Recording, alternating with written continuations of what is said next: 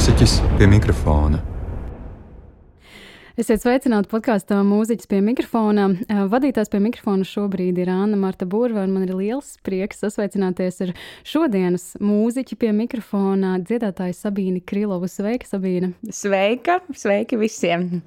Sabīna, mūsu ieraksts notiek otrajā dienā pēc mājasēdas izsludināšanas, un es tev vēlējos jautāt, kā tu kā mākslinieks vai vispār kā cilvēks jūties par šo visu situāciju? Jā, šī situācija nav vienkārša, un, godīgi sakot, tā sajūta nav diezko laba, jo nu, tik tālu esam nonākuši jā, patiesībā un, un ar tādu diezgan negatīvu noti šajā visā, bet uh, ir jāmācās sadzīvot, ir jāmācās pieņemt, ir jāmācās piedot varbūt tiem, kuru dēļ varbūt mēs šobrīd šeit esam, ja? jo mēs visi esam cilvēki, mēs visi baidamies no tā nezināmā, no tā, kas varbūt mūs sagaida. Un, tāpēc ir tāda, man šķiet, ir jāiemācās tāda pieņemšana, piedošana un tāda saprašana un sapratne, lai varbūt cik dusmīgi nebūtu, ja mēs visi par šo. Bet kā māksliniece, es teikšu godīgi, nav slikti reiz pa reizei mazliet atpūsties un varbūt sasmelt kaut kādu enerģiju un iedvesmu turpmākajām darbībām, jo plāni ir un decembris cerams būs ļoti, ļoti labs un koncertiem piepildīts un arī izrādēm piepildīts piepildīts. Līdz ar to es domāju, nu, bišķiņi atpūšamies, un tad ar jaunu spāru atkal dodamies tālāk. Vai tu vispār teiktu, ka tu esi cilvēks, kurš viegli pielāgojas un bez problēmām kaut kādām šādām spējām, pārmaiņām? Es teikšu, ka jā, bet tāpat laikā, burtiski pāris dienas atpakaļ, tad, kad jau mēs visi zinājām, kas ar mums notiks no, no vakardienas, 21. oktobra, tad, godīgi sakot, man pārņēma tāda mm, trauksmes sajūta. It kā jau viss ir kārtībā, it kā jau es esmu vesela un mani visi tuvie ir veseli, paldies Dievam. Bet, godīgi sakot, jā, tā sajūta ik pa brīdim tāds satraukuma vilnis pārņem to ķermeni, un tu it kā domā, par ko tas ir it kā viss ir labi un tā, bet tā pat laikā, laikam, tā kopējā atmosfēra un tā kopējā enerģija, kas šobrīd valda mūsu valstī, viņa tomēr tevī rada tādu nu, nepatīkamu sajūtu, es teikšu tā. Tā kā it kā jā, bet tā pat laikā arī nē. Tas ir īstenībā ļoti interesanti, jo man bija precīzi tas pats. Un pats interesantākais ir tas, ka bieži vien, nu kā, trauksme rodas no tā, ka mēs par kaut ko ļoti daudz domājam. Bet es arī īstenībā pirmo reizi savā mūžā pieredzēju to, ka, nu, ok, es šo informāciju redzu, es saprotu, es to pieņemu kā faktu, viss ir labi, bet pēkšņi es jūtu, ka krūškurvī kaut kāds uztraukums. Tieši tā, tieši visu. tā.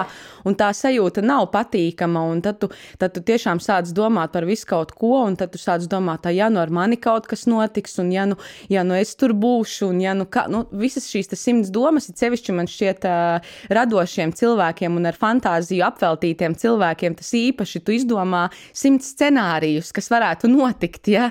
Lai gan patiesībā varbūt nekas nenotiks. Visticamāk, nekas nenotiks. Ja? Bet, tad tas ir tas tā saucamā, nu, varētu teikt, veģetatīvā distānija nedaudz, jā, tādi priekšvēstneši šitai slimībai. Jā. Mūsu tēma šodien ar tevi, mēs runāsim par šo psiholoģisko aspektu pedagoģijā, gan varbūt šajā Covid laikā, gan arī pirms tā. Un īstenībā sākumā es tev vēlētos pajautāt, kāds ir bijis tavs ceļš pedagoģijā, kā tu vispār nonāci līdz tam, un kas ir tas veids, kā tu tajā darbojies? Mm. Es varbūt vispirms klausītājiem pastāstīšu nedaudz par sevi un par savu šo pedagoģisko gājumu, jo varbūt daudzi nezin, jo patiesībā es nestrādāju nevienā izglītības iestādē par pedagogu, ja? un tāpēc varbūt daudz nezin, kad es esmu pedagogs. Varbūt mani kolēģi vai draugi pat dažkārt to nezin nezinu.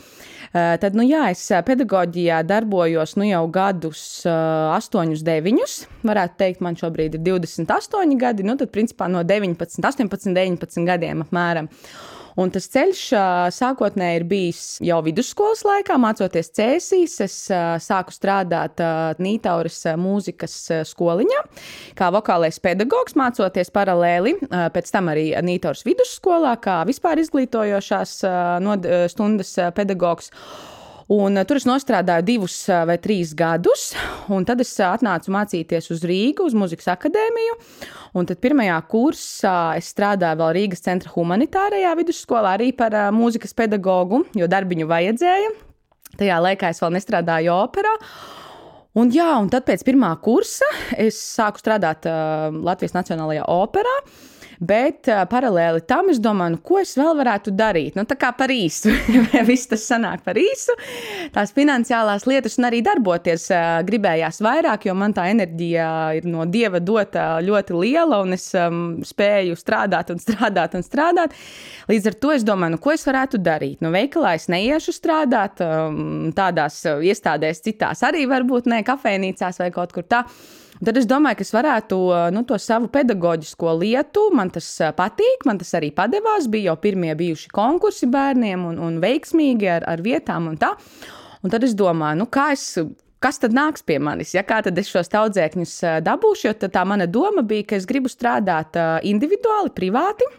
Un, kā jau es arī iepriekš ar tevi runājot, kaut kad minēju, jā, ka pavisam primitīvā veidā, izdrukājot sludinājumu savu, ielaminējot to, lai tas nesalītu lietu un nesamirktu, gāju, es dzīvoju tajā laikā Titurgā, tas ir um, drusciņai uz Rīgas, uz ķekavas pusi, un izlīmēju pie sludinājumu stabiem šo savu sludinājumu, daudz, kādus 10, 20 sludinājumus izlīmēju un gaidīju, kas notiks.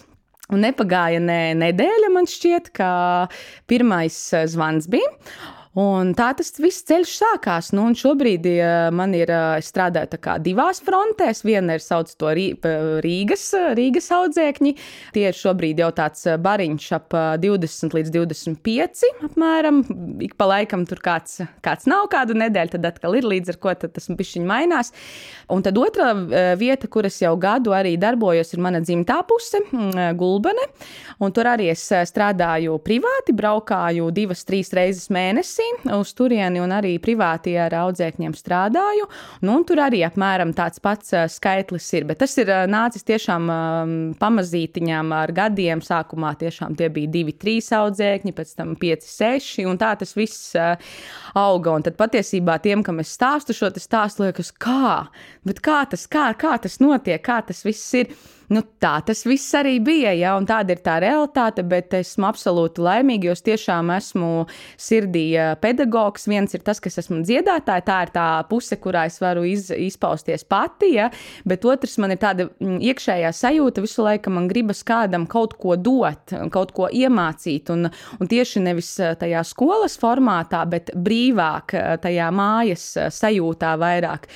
Nu, jā, nu tā tas viss tik tālu ir nonācis, un arī šobrīd, šajos Covid apstākļos, meklējam risinājumus un veidus, visdažādākos, visradošākos, kā strādāt. Un, un, un, jā, un es vēl pieminēšu tikai to, ka šie audzēkņi nav tikai bērni. Tie ir arī pieauguši cilvēki. Es teiktu, nu, procentuāli 70 uz 30. Tāds tas tā proporcija varētu būt. Un, nu, jā, tas īsais stāsts ir šāds par, to, par, to, par to visu, kā tas uzbūvēts līdz šim. Nu, tā. Klau, bet vai tev šī kaut kāda, nezinu, sūtības sajūta, tu teici, ka tu esi dziļi sirdī pedagogs, vai tā tev ir bijis jau kopš agra vecuma, vai es nezinu, tu iedvesmojies no kaut kādiem saviem pedagogiem? Kāds? Godīgi sakot, ja tu tagad man tā uzdod to jautājumu, tad tas laikam tiešām ir nācis no bērnības. Es vispār esmu tāda diezgan komandētāja, ja? man patīk visus izkomandēt, un patīk, ka viss notiek pēc mana plāna, un, un es tāds kontrolfrīks esmu diezgan. Un, jā, un es bērnībā mācīju visus, māsas, mums bija stundas, es mācīju, biju skolotāja, un tad mēs kā, nu, netēlojām, bet uzbūrām tādas kā nometnes, un es biju vadītāja tām nometnēm. Jā, nu, un visas draudzenes vienmēr nāca, un tad mēs spēlējām skolu, tad es biju, jā, īstenībā tas laikam nāk no bērnības patiesībā, tāda organizatora un pedagoga tāda, tāda sūtība, tā varētu teikt, jā. Klausamīn, kā tu varbūt noraksturotu cilvēkiem to atšķirību starp varbūt šo privāto apmācīšanu un starp, piemēram, to pašu vokālo mācīšanos pie vokālā pedagoga kaut kādā skolā? Mm -hmm, jā, tā, tā, tas ir ļoti labs uh, temats. Jā, atšķirība ir. Atšķirība ir uh, tāda, ka šis te formāts ir brīvāks. Pirmkārt, jau laika ziņā, cik ir šī nodarbība gara, ja, teiksim, skolā ir, nu, plus mīnus no zvana līdz zvanam, ja, tad mēs varam strādāt nu, neierobežoti. Cik mēs vienojamies, ja mēs strādāsim pusotru stundu, vai mēs strādāsim divas, vai ja mēs jūtamies slikti, mēs varbūt pastrādāsim tikai pusstundiņu. Un nevienam nekas par to nebūs. Ja? Nebūs atzīmju, nebūs eksāmenu, nebūs varbūt tāda mm, lieka stresa, es pat teiktu, jo uh, vēl kas ir, uh, es arī saviem audzēkņiem uh, rīkoju koncertus. Uh, divreiz gadā tādus kā atskaites koncertus sev, vecākiem, draugiem, radiem vienmēr visi tiek mīļi gaidīti, un pat šajos Covid apstākļos mēs domājām dažādus veidus un arī, un arī realizējām, lai, lai tiem bērniem un pieaugušajiem tā atskaite būtu. Jo kaut kādu atskaiti jebkuram vajag, jā, teiksim, pat ja tu ej uz sporta zāli, tu ej uz kaut kādiem rezultātiem. Bet pats labākais ir tas, ka tie rezultāti nav nekādi standarti. Tev nav jāsasniedz nekādi standarti. Tu vari būt šeit un tagad sev. Tev nav nevienam par to nu, nekas jāatskaitās. Nu, ne, un, un arī spiediena nav. Nekāda spiediena tieši tā, un uh, katram ir savas veiksmes, savas neveiksmes. Un, uh, Un tas, tas, man liekas, ir nu, tas foršākais tajā privātajā apmācībā, ka nav šī spiediena. Tā. Tur ir tā atšķirība. Nav tas uh, spiediens, nav tie rāmji, nav tas uh, noteiktais repertuārs, ko mēs uh, varam dziedāt. Jā. Mēs varam dziedāt, ko mēs vēlamies. Mēs varam pamēģināt kaut ko ļoti grūtu, vai mēs varam turēties un gadu dziedāt tikai tautas dziesmas vai vingrinājumus. Jā. Nu, tur ir tā atšķirība. Bija arī tāds gadījums, kad cilvēks atnāk un saka, es nedziedāšu.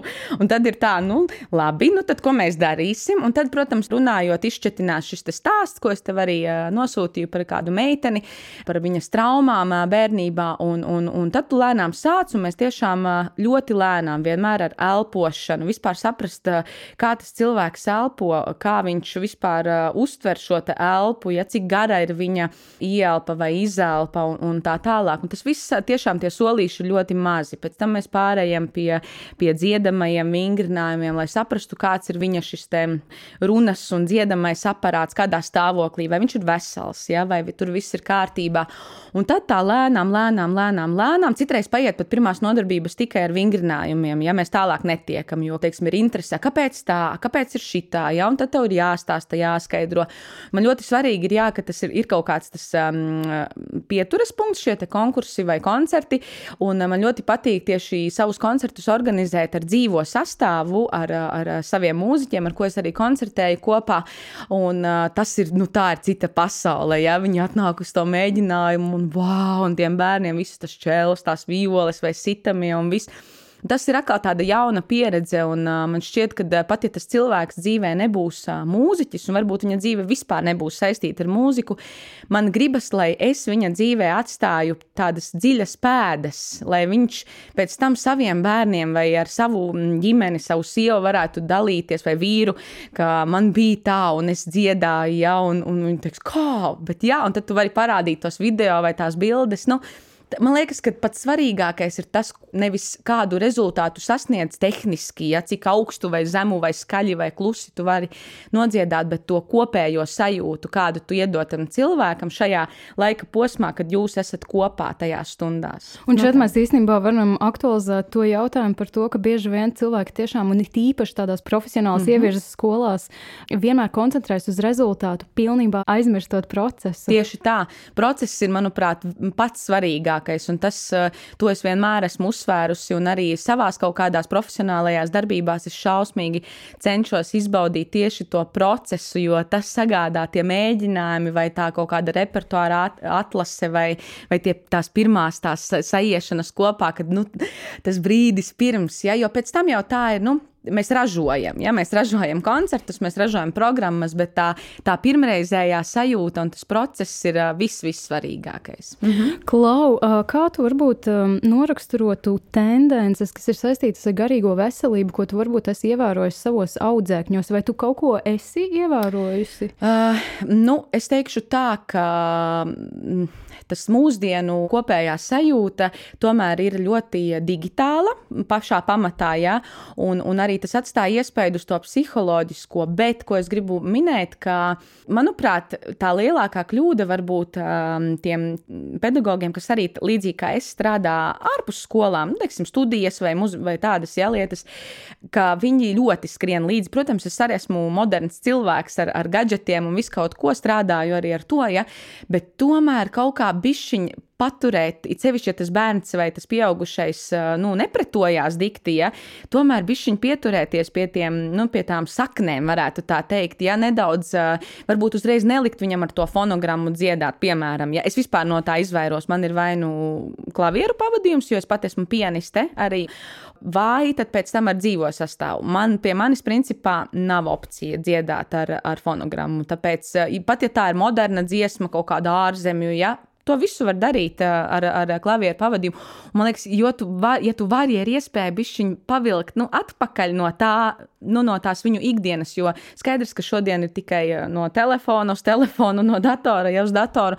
Un, ja tu vari kaut vai to stundu vai divas stundas nedēļā izraut cilvēku no tā laukā, nu, man liekas, tā, tā jau ir uzvara. Un, tieši tāpēc arī ļoti daudz vecāki, nu, nezinu, priecājas, viņiem tas patīk un viņi to novērtē, jo tas ir bišķiņ kaut kas cits no tā, kas notiek tā bērna ikdienā. Un tie bērni ir uzvilktāki, varbūt viņi ir tādi uzbudinātāki, ja, un tā visa uztvere un viss tas ir mazliet nu, tāds sakāpināts. Līdz ar to es vienmēr cenšos tieši caur to elpošanu un visu to bišķiņu, lai viņiem tas patīrās viss ārā un lai viņi sazemējās nedaudz ar to realitāti, ja, jo tā, tas, nu, tā apkārtējā vide un tas viss ļoti sakairina. Domāju, ka tavs stundas ir arī mhm. kā meditācija. Noteikti, noteikti, jā, un, un arī psiholoģiski. Arī arī par pieaugušajiem. Tieši, protams, bērniem arī gadās pa kādai asarai, un, un vai, no, vai no prieka, vai no tā, ka kaut kas neizdodas, un tad dusmojās uz sevi. Ja?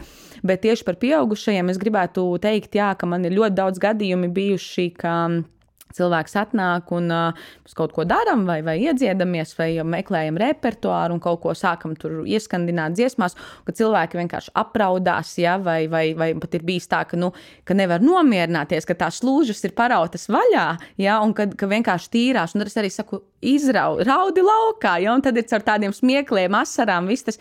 Bet patiesībā nu, tas var likties smieklīgi vai kā, bet tā ir tā saucamā terapija arī. Ja? Un, un bieži vien pēc tam tas cilvēks iet prom, ka, ah, cik man ir viegli, cik forši man liekas, ka es varu elpot ar pilnu krūti, ja un nav tā nospiedošā sajūta. Jo man pašai bieži vien ir tā, ka es vai nu kaut ko klausos, vai, vai spēlēju, un vienkārši tev tās asaras izsit. Ja tu pat neesi domājis, ka tu raudāsi vai ko, bet tas, tas emocionālais varbūt kaut kādā citā sfērā ir tik sakāpināts, ka tas tie tā tie konkrētie akordi vai tā konkrētā mūzika vai harmonija tevi tik ļoti aizkustina, ja, ka tev iztīra kaut kādu citu tavu melnumiņu no iekšas. Ja, un tāpēc, jā, es vienmēr, un, un parasti ir tā, ka vecāki pirmais, nu, kad viņi mm, mani uzrunā, tad nu, bērni nāk, tad paiet kaut kāds laiks, un tad mamma. Varbūt es arī varētu. Ja? Viņa jūt, ka tas bērns ir citādāks pēc tās nodarbības, savādāks, ja? un, un ka, viņš ir, ka viņš ir priecīgāks, viņš ir brīvāks. Viņa domā, oh, zemapziņā kaut kas nostrādājis, arī tā gribu justies. Ja? Un, un, un bieži vien tā ir, jā, ka vispirms ir bērni, un tad vecāki. Un tad jau ir tāds ģimenes uzņēmums beigu beigās. Nu, jā, tā, tā, tā ir ar to psiholoģiju. Vai varētu varbūt minēt kādu piemēru, kad cilvēks ir pie tevis, vai tas ir bērns vai pieaugušais atnācis, un tiešām viņam šī visa garīgā pasaule ir tā atvērusies, ka Jā. Jā. Nu, pat nesen, burtiski 15. augustā, tepat tās vasaras izskaņā, man bija koncerts ar audzēkņiem pie Stāmerienas pils, Gulbenes novadā ar šiem te Gulbenes puses audzēkņiem, tāda kā tāds punktiņš. Un tur bija viena audzēkne, es nebaidīšos arī minēt viņas vārdu, Anija, jo viņa arī plaši publiski šo savu stāstu Facebook platformā ir izstāstījusi, un viņa atnāca pirms pāris mēnešiem, pirms šī koncerta, un viņa bija tā, kas teica, ka viņa nedziedās. Ja? Ka viņa nedziedās, un tad nu, es sāku meklēt variantu, kāpēc un kā. Un mēs sākām runāt, un principā gandrīz visu pirmo nodarbību mēs norunājām, un izrādās, ka cilvēkam ir no bērnības milzu trauma. Uh, no pedagoga, kurš ir viņu noniecinājis kā mazu bērnu, piecgadīgu, ja, un, un pateicis, ka tur nu nekad nekas nebūs, un ka vispār drausmas, un vecmāmiņai pateicis, ka uh, netērējiet naudu uz šo, nu, nav jēgas, ja, un tā, un, un tas cilvēks tik ļoti to atcerās, kad viņa savā šajā postā apraksta pat detaļas, kā izskatījās vecmāmiņas maksas tajā brīdī, ja, cik ļoti tas ir iespiedies, ir pagājuši vairāk kā 20 gadi, man liekas, tur bija pat vai ne 30, ja? un cik ļoti ir palicis tas atmiņā. Un jā, mēs sākām strādāt uh, Pilnīgi tikai ar elpošanu, ar atbrīvošanos, ar kaut kādu ticību un uzticību sev, ka man izdosies. Un uh, sākām runāt garus vārdus, garas frāzes, ja, un meklējām to cilvēka balsi, jo viņa pati ir pedagogs vispār izglītojošajā skolā. Viņa saka, es gribu normāli ar tiem bērniem runāt, pilnīgi, pilnskanīgi, ar visu savu balsi, ja nevis kaut ko tikai kā pelīte pīkstēt un tā. Nu, jā, un tad mēs tos mēnešus ļoti uh, intensīvi strādājām, meklējām, atradām. Un šajā 15. augustā viņa uzstājās arī ar dzīvo sastāvu pie mikrofona, viena pati solo.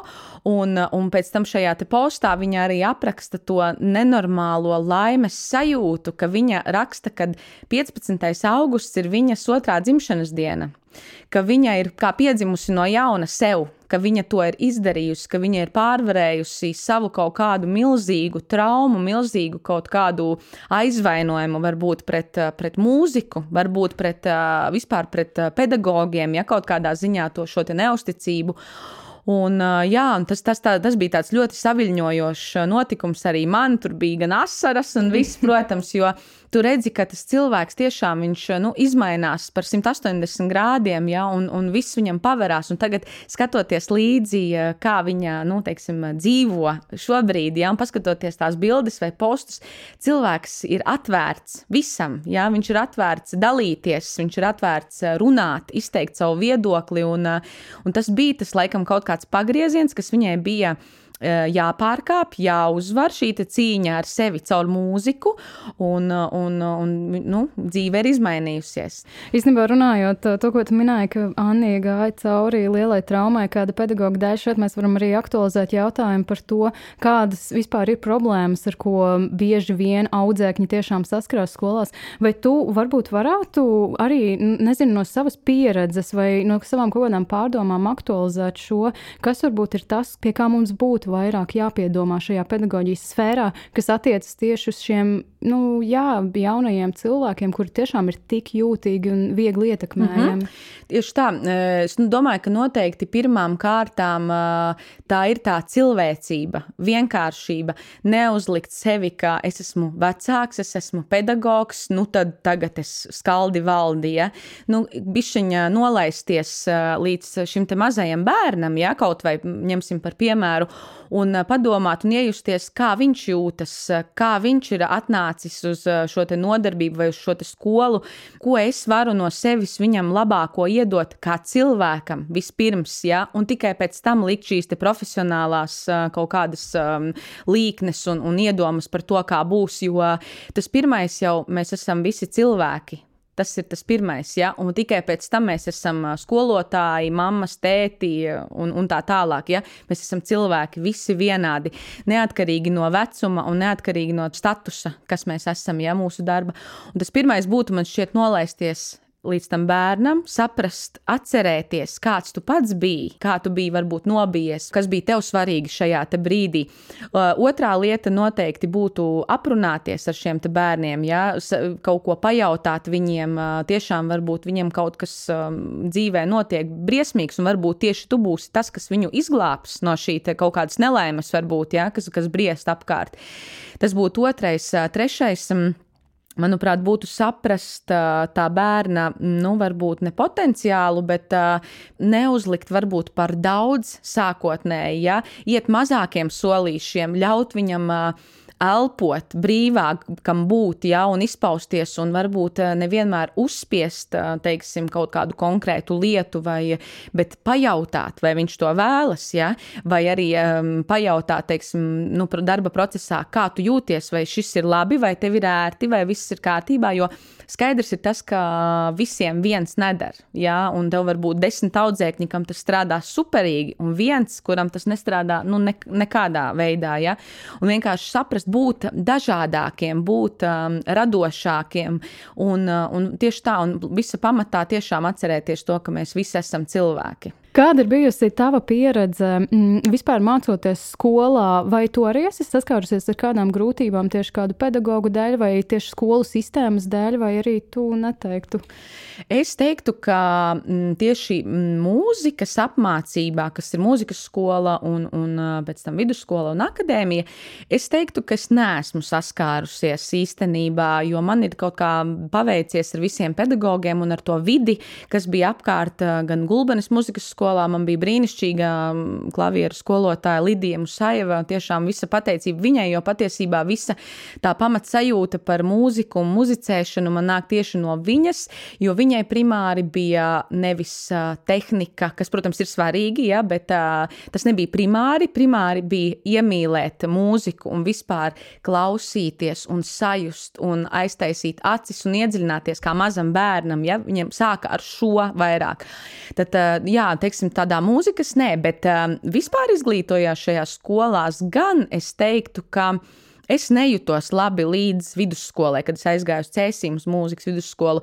Es teiktu, ka tas laikam nebija priekš manis, tā vide un tā, es laikam tie, tiešām esmu tik radošs un tāds brīvs savā būtībā cilvēks, ka mani nospieda nedaudz šī te, es it kā darbojos viskaut kur un, un, un, un tiešām iesaistījos, bet tā pamatsajūta man ir palikusi tāda, nu, nevisai patīkama, bet varbūt tieši ne tādā psiholoģiskajā, bet vispār tajā mācību sistēmā kā tādā. Nu, tas nebija varbūt priekš manis, bet paldies Dievam, tas ir beidzies, un es varu šobrīd uh, strādāt tā, kā es vēlos. Tev ir kādas domas, kā varētu arī šo vispār izglītojošo vidi pamainīt, lai arī, jo taču nav noslēpums, ka ir ļoti daudzi šie tā saucamie eksaktie un mm -hmm. humanitārie cilvēki, kuri arī tajā vispār izglītojošajā skolā mācās. Kas varbūt būtu tāds, lai viņi nejustos nospiesti? Mm -hmm. 嗯。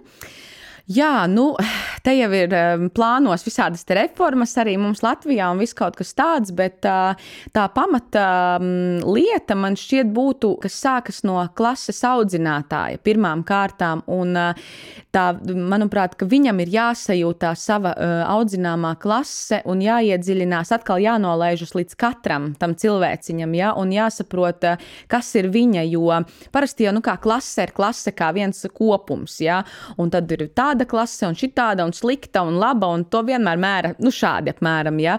Bet uh, tiešām saprast, uh, kādi tie cilvēki tajā vidē ir, teiksim, tam klases audzinātājiem mēģināt runāt arī ar tiem citiem skolotājiem un pastāstīt par to katru bērnu, jo labi Rīgā varbūt tas ir, nu, mazliet savādāk, jo ir tās milzīgās klases, bet, teiksim, nu, ja ārpus Rīgas ir mazākas, mazāki šie apjomi, un uh, visi skolotāji zina visus bērnus, zina, kas ir vecāki un tā tālāk, ja, un mazliet tieši iedziļināties tajā cilvēkā, kas viņam ir saistošs, un varbūt to priekšmetu, konkrēto, nezinu, matemātiku, fiziku, varbūt fiziku gluži nevar ievirzīt nu, tādā radošā, vai gan varbūt arī var, ja?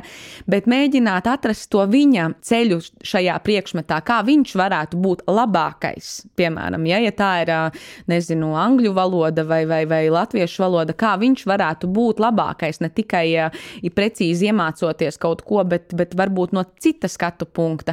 Man liekas, tā ir tā atkal. Mēs atgriežamies pie tās iedziļināšanās, kad ir 21. gadsimts, visi skrien, visi kaut kur nesās, pelna, tērē, ja?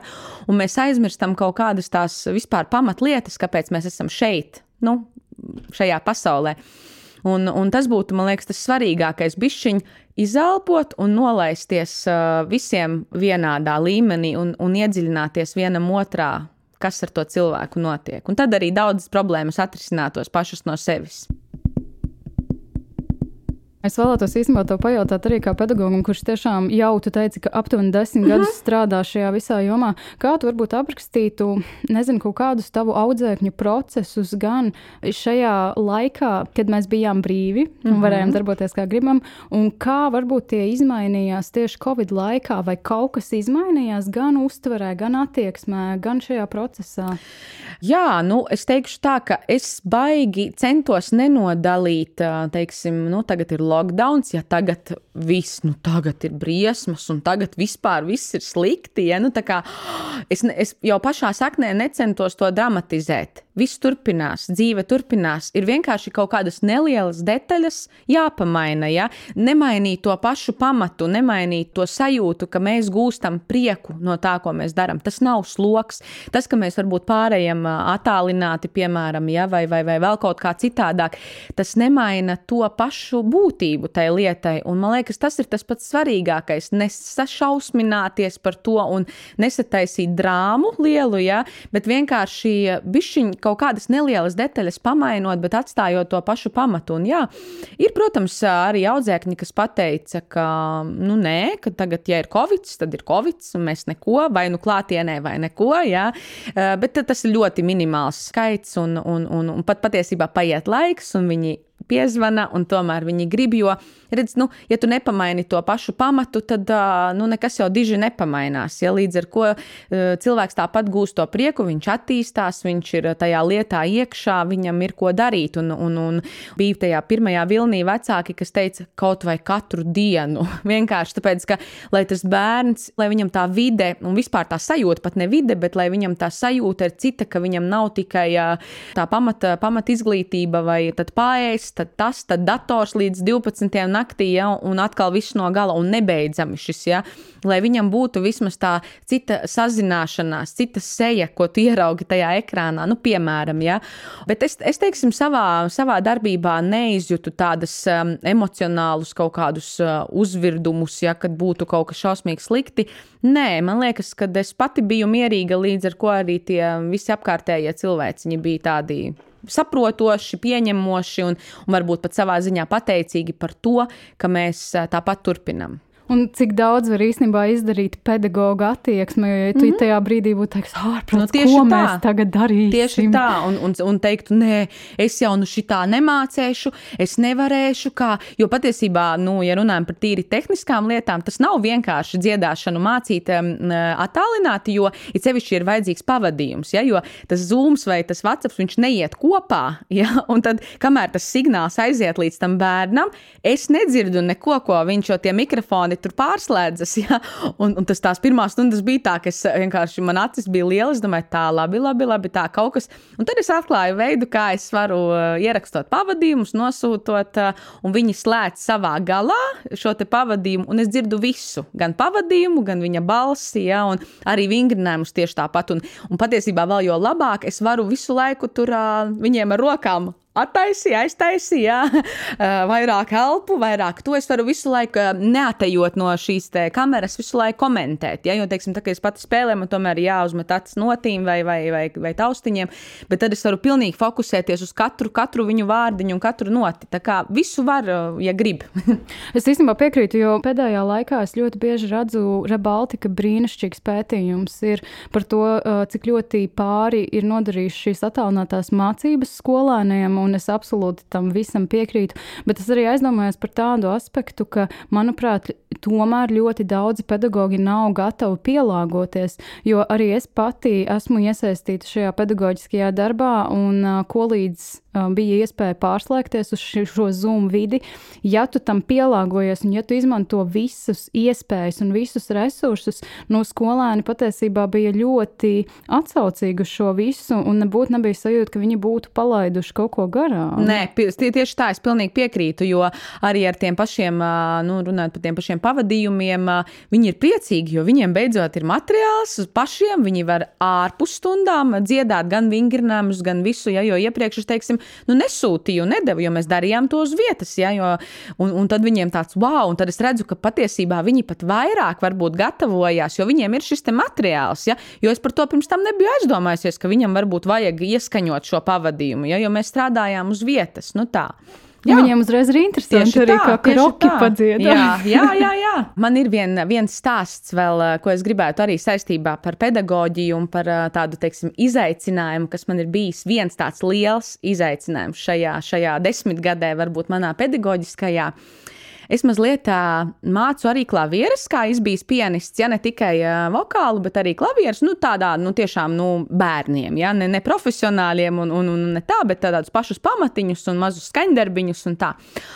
Un tad vienā no šiem pirmajiem gadiem Man ir zvans, um, svešs numurs, jā, sveiki, vai skolotājs abīne tā un tā.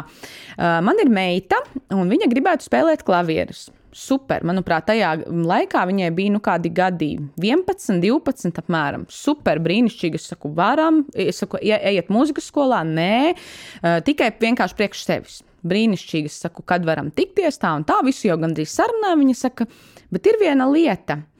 Šī mana meita ir neredzīga pilnībā neredzīga.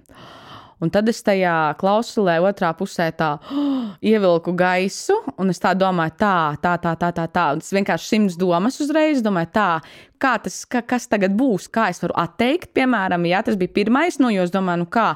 Bet uzreiz tajā pašā laikā man bija otra puse. Nē, es to varu. Nu, es to varu. Es, es izdomāšu, kā es viņai iemācīšu to visu. Ja? Un nu, jau ir tiešām viņai varētu būt 16 gadi tagad, man liekas. Jā, nu jau kādus nu, 5, 4, 5 gadus viņa nāk pie manis. Un uh, mēs spēlējam, un mēs spēlējam jau tādu repertuāru, nu, kas teiktu, tas ir nu, uz kādas muzikas skolas, nu, 6, 7 klasi jau tā, tādu repertuāru, ja no nulles viņa sāka principā.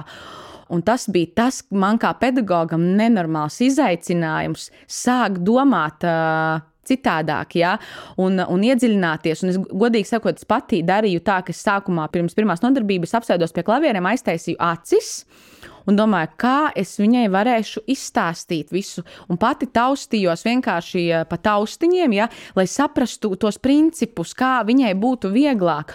Tas bija milzīgs izaicinājums, bet es tik ļoti esmu priecīga, ka es eh, neatteicu tajā reizē, jo es saprotu arī, ka tam cilvēkam tas ir eh, nu, kaut kas tāds viņa dzīvē, varbūt. Un visi, teiksim, viņa spēlē arī koncertos, jā, visos. Un uh, bija viens koncerts pirms kādiem trīs gadiem mm, uz Lielā flīģeļa Ziemeļa un, un, un, un Balošu kultūras namā. Un tad, kad viņa nospēlēja pirmo reizi dzīvē, un līdz šim es tādus aplausus, bet tie nebija skaļi vai kaut kādi vētraini vai kāju daudzīši, bet tik uh, sirds siltus un apbrīnas pilnus aplausus no zālē es nekad nebiju dzirdējusi līdz šim, un arī vēl joprojām neesmu dzirdējusi. Tas bija kaut kas vienkārši nu, tāds maģisks, un tad tu saproti, ka Viss dzīvē ir iespējams, un arī pedagogam ir iespēja iedziļināties un saprast un pagriezt to savu domāšanu citādāk, ja? un kaut kādas jaunas metodes izdomāt. Un tas, kā mēs strādājam, tiešām ir tik interesanti, jo nu, iedomājies, ka tev ir jāiztaisa acis un kādam ir jāiemāca, un viņš nezina, un, viņš ne, un tu nevari pateikt, nu, atceries, tu redzēji. Ja? Viņš nav redzējis, ja viņš nezina, kā tas ir. Tev ir tik precīzi jānoraksturo un visas ritma lietas. Tu nevari viņam pateikt, nu, paskaties tajās notīs, ja, nu, taču tu redzi, tur ir pusnoca punktu, ja, vai, vai vēl kaut kas, bet uh, visu to, nu, Es saku, tas laikam tāds manas pedagoģiskās karjeras, varbūt nu, tāds spilgtākais punkts tieši tajā, kad manī viss mainījās. Tas lika saprast, ka var visu darīt kaut kā savādāk. Es, es šobrīd uz tevi skatos un klausos, un man vienkārši ir apbrīna. Paldies. Bet klau, man interesē, nu, piemēram, es saprotu, ka nu, tādus instrumentus, kas varbūt ir vienbalsīgi, kas pārsvarā ir tādi pūšami instrumenti, varbūt nu, tur pēc dzirdes var to melodiju iemācīties, bet kā tas strādā ar klavierēm, kur ir faktūra? Jā, kur ir faktūra. Godīgi sakot, man brīžiem arī liekas, ka tas ir kaut kas nereāls un vispār kā mēs kaut ko tādu esam, piemēram, iemācījušies. Jā, es, es varbūt kādreiz pa, pajautājot šai te meitenei atļaušos tev atsūtīt kādu video, lai tu nu, varētu, varētu redzēt. Bet nu, tas ir kaut kas fenomenāls, jo patiesībā nu, mēs mācāmies sākotnēji katru roku atsevišķi un mēs mācāmies um, nelielus posmus, un viņa ieraksta diktafonā. Šo te, piemēram, mēs uz, uz vietas mācāmies, teiksim, nezinu, četras taktis šim skaņdarbam, ja mēs pa divām, pa divām ierakstam uz vietas, jā, pēc tam, piemēram, otru roku ierakstam. Pēc tam es viņai šajā diktatfonā iespēlēju šīs četras taktis kopā, kā tas izklausās, Un tā viņa arī mācās pēc diktafona. Pats labākais ir tas, ka tas cilvēks, viņš tik, nu, redz, tas ir laikam tas, ka, ja tev kaut ko atņem, tev kaut ko arī iedod, ja, jo tas uh, temps, kādā viņa mācās, ir vienkārši fenomenāls. Nu, es saku, es jau, man liekas, citreiz pat varbūt par maz viņai iedod, varētu vairāk, ja, bet man liekas, nu, ārprāts, nu, tas ir tik sarežģīti, pat, pat uh, redzīgam cilvēkam, bērnam tas nebūtu uzreiz tik vienkārši, ja, bet viņa tiešām mācās zibenīgi un, un, un nu, tas ir kaut kā tāds fenomens, jā. Mūziķis Pie mikrofona atpūšas.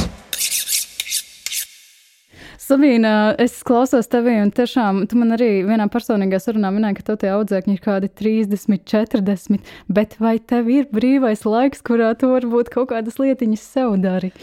Ah, jā, šis ir tāds labs jautājums. Uh, ir tā, ka pirms uh, vairākiem gadiem, ja tu man būtu jautājis, nu, teiksim, pirms trīs gadiem, ja tu, nu, pat diviem, es teiktu, es teiktu, nē, nu, ka man nav vispār laika brīvā, un kad es uh, visu laiku strādāju, bet tāds, tādi, tādi gadi arī bija principā 24, 7. Ja, un, un eh, man nebija nu, tā, ka teiksim, trīs nedēļas tev nav neviena brīva diena. Nu, pilnīgi neviena. Pat, nu, pat tikai varbūt rītā, no rīta divas, trīs stundiņas tev ir brīvas sev. Ja, ka visu laiku ir non-stopā 12 stundas audzēkņi, pēc tam opera nakt, līdz naktī, tad nākamā dienā opera no rīta, no diviem atkal ir līdz deviņiem vakarā audzēkņi. Un tā tu vienkārši drausmīgus posmus strādā. Ja?